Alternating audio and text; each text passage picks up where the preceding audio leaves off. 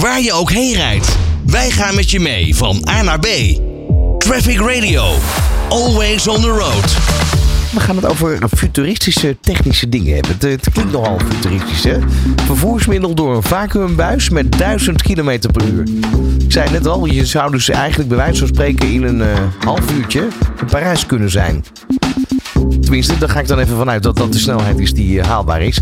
Ehm, en er is een nieuw prototype gekomen. De Delft Hyperleap op de hoep.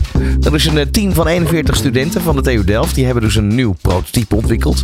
Aan de telefoon eh, captain van dit team, Umika Bagor van Delft Hyperloop. Umika, goedemiddag. Goedemiddag. Klopt dat, wat ik zei? Half uurtje Parijs, Amsterdam-Parijs?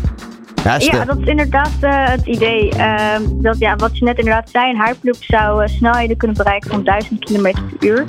en dat zou dus betekenen dat je binnen een half uurtje Parijs in, in Parijs zou kunnen zijn. Half uurtje, dat is, dat is helemaal niks natuurlijk. Hè? Nee, ja, dat verandert inderdaad heel erg hoe je mobiliteit nu ziet. Dus uh, dat zou echt gewoon betekenen dat Europa een soort van uh, duurzame metropolis zou worden. Waar je gewoon binnen tientallen minuten in een andere Europese stad even een koffietje zou kunnen doen, bij wijze van spreken. Ja, dan komt bij mij natuurlijk meteen de vraag op: hoe milieuvriendelijk is dit eigenlijk, Hyperloop? Uh, ja, het is dus uh, ja, best wel milieuvriendelijk. Uh, omdat het idee van een Hyperloop is, is dat het eigenlijk um, de rol- en luchtweerstand uh, limiteert. Uh, de huidige vormen van transport hebben daar heel erg last van. Uh, om daardoor gebruiken ze heel veel energie om op hogere snelheden te komen. Maar een Hyperloop die limiteert luchtweerstand doordat het, dus het voertuig, we noemen dit een pot, laat voortbewegen in een vacuümbuis. dus daar is bijna geen luchtweerstand. Um, en het, het elimineert ook nog eens rolweerstand door de pot te laten zweven door middel van magneten. En ook te laten voorbewegen door middel van magneten, waardoor hij helemaal geen contact heeft met een baan. Uh, en dus zo ook geen rolweerstand. Uh, en hierdoor heeft kun je dus echt hoogsnelheden bereiken op een heel energie-efficiënte manier. Oké, nu, ga ik het even proberen te begrijpen. Hè? Want, want jij je vertelt nu een aantal hele belangrijke technische dingetjes. Uh, maar normaal gesproken, als je iets vacuüm zuigt, dan is daar een bron wat de lucht eruit zuigt. Dus ik heb toevallig voor, voor mijn vakantie stofzuigerachtige zakken gekocht, vacuümzakken, waar je je kleding in kan stoppen. Je zuigt het eruit, de lucht, en je hebt compacte zakken. Uh, dat ja. is eigenlijk wat er gebeurt. Maar ik kan me voorstellen dat als je een hyperloop hebt tussen Amsterdam en Parijs, dat je niet helemaal in Parijs een apparaat kan neerzetten aan het einde die zeg maar gaat vacuüm zuigen dat er uit Amsterdam iets in beweging komt. Zo werkt het toch niet, hè? Uh, nee, je maakt gebruik van uh, vacuümpompen inderdaad. Uh, en die, die gaan inderdaad de, de buis vacuüm trekken. maar dat is inderdaad niet zo dat dat vanaf Parijs naar de hele baan gebeurt. Maar nee, er dat... wordt nog heel erg onderzoek naar gedaan hoe je dit op de beste manier kan doen. Ook dat het zo min mogelijk energie kost. Maar zou, zou je kunnen denken aan bijvoorbeeld om de zoveel meter dat er dan een pomp zit die zorgt dat die pot wordt voorbewogen? Uh, ja, bijvoorbeeld. Dus dat er zoveel kilometers dat er zo'n pomp uh, zit. Ja, nu, nu zei je al, er, er, wordt nog heel veel onderzoek naar gedaan. Jullie hebben een nieuw prototype op, uh, eigenlijk uitgebracht. Wat is, wat is dan het verschil met het prototype van het afgelopen jaar? Ja, goede vraag. Um, een groot verschil is dat uh, vorig jaar hebben ze eigenlijk een hele grote stap gemaakt. Uh, ze zijn aan voor het eerst um, in een verticale richting gaan zweven. Um, zoals net al zei, is dat dus echt een hele. Uh, dat zweven is heel belangrijk, omdat je dus op die manier rolweerstand ja, elimineert. maar aan de zijkanten hadden ze wel nog wieltjes. Dus boven was er geen contact met, met de baan, maar ja, ja. aan de zijkanten wel nog. Hadden ze nog wieltjes. En dit jaar gaan we echt volledig zweven. Dus de wielen aan de zijkant die gaan weg. Um, en daar zullen ook magneten komen. Uh, waardoor de, de, onze pot dus de baan helemaal niet meer aanraakt. Um, dus dat is één hele grote stap die we maken. En een tweede is dat we dit jaar een heel uh, nieuwe type magnetische motor ontwikkelen. En die is echt nog nergens op de wereld uh, gedemonstreerd. En vorig jaar um, zat de motor eigenlijk in de baan. Dus er waren allemaal koperen spoelen over de hele baan heen. Mm -hmm. nou, wij maken een prototype uh, en daar hoort een baan bij van 50 meter. En dan is dat uh, goed te realiseren. Maar uiteindelijk wil je een, een, infrastructuur maken van honderden kilometers door Europa heen.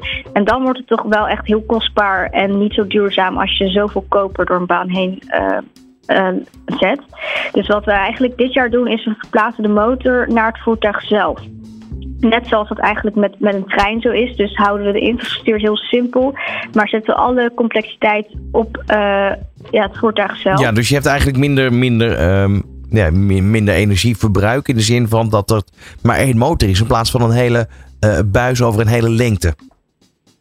Ja, dus we hebben minder materiaalgebruik uh, en uh, dus ook minder hoge kosten. Dus dat zou heel makkelijk op te schalen zijn. Uh, en het voordeel van deze motor is ook nog eens dat het een enorme efficiëntie heeft. Het heeft een, een efficiëntie van, van 93 procent. dus dat is ook echt een grote stap naar een Hyperloop die in de toekomst op grote schaal echt gerealiseerd zou kunnen worden. Ja. Nu, nu zijn jullie hier met 41 studenten mee bezig geweest, als ik het goed heb? Ja, klopt. Hoe lang zijn jullie hiermee bezig geweest? Ja, uh, we zijn nu zes maanden onderweg. Uh, wij, ons, we doen elk jaar met een weer nieuw uh, groep studenten uh, dit project. Dus dat, ons projectduur is maar één jaar. Um, dus in juli is onze competitie en dan is ons prototype helemaal af en gaan we hem laten zien op de competitie. Ja, nu kan ik me herinneren, denk ik een jaar of zeven geleden ben ik ergens al bij, bij een bijeenkomst geweest waar ook al werd gesproken over die Hyperloop. Um, waar, zit nu eigenlijk waar zit je nu in de fase? Zit je nu in de fase van ontwikkelen, ontwikkelen, ontwikkelen?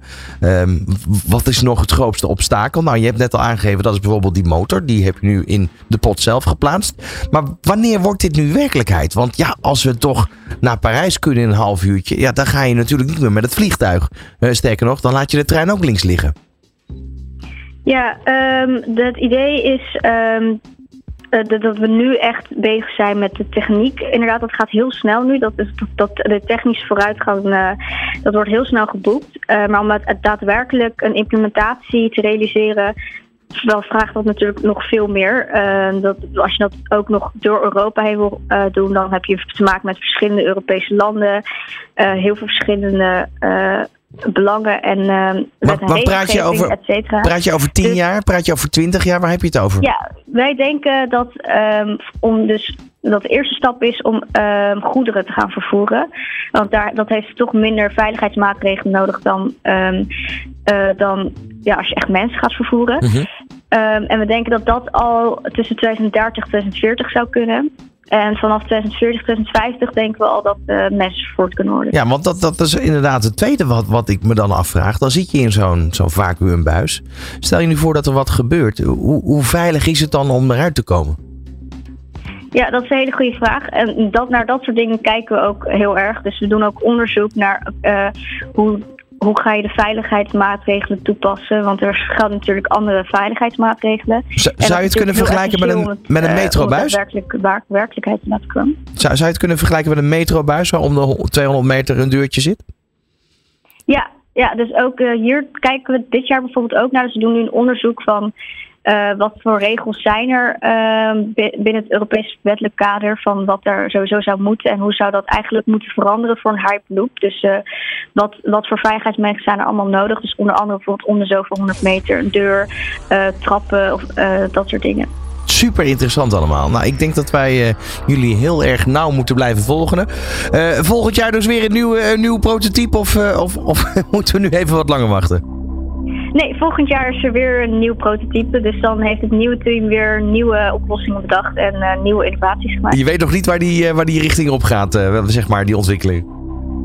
Nee, want we willen echt elk jaar weer een nieuwe groep aan studenten die zelf gaan kijken, echt met het blanco eigenlijk een beetje weer beginnen en zelf gaan kijken okay, welke uitdagingen zijn er nodig om de volgende stap te maken.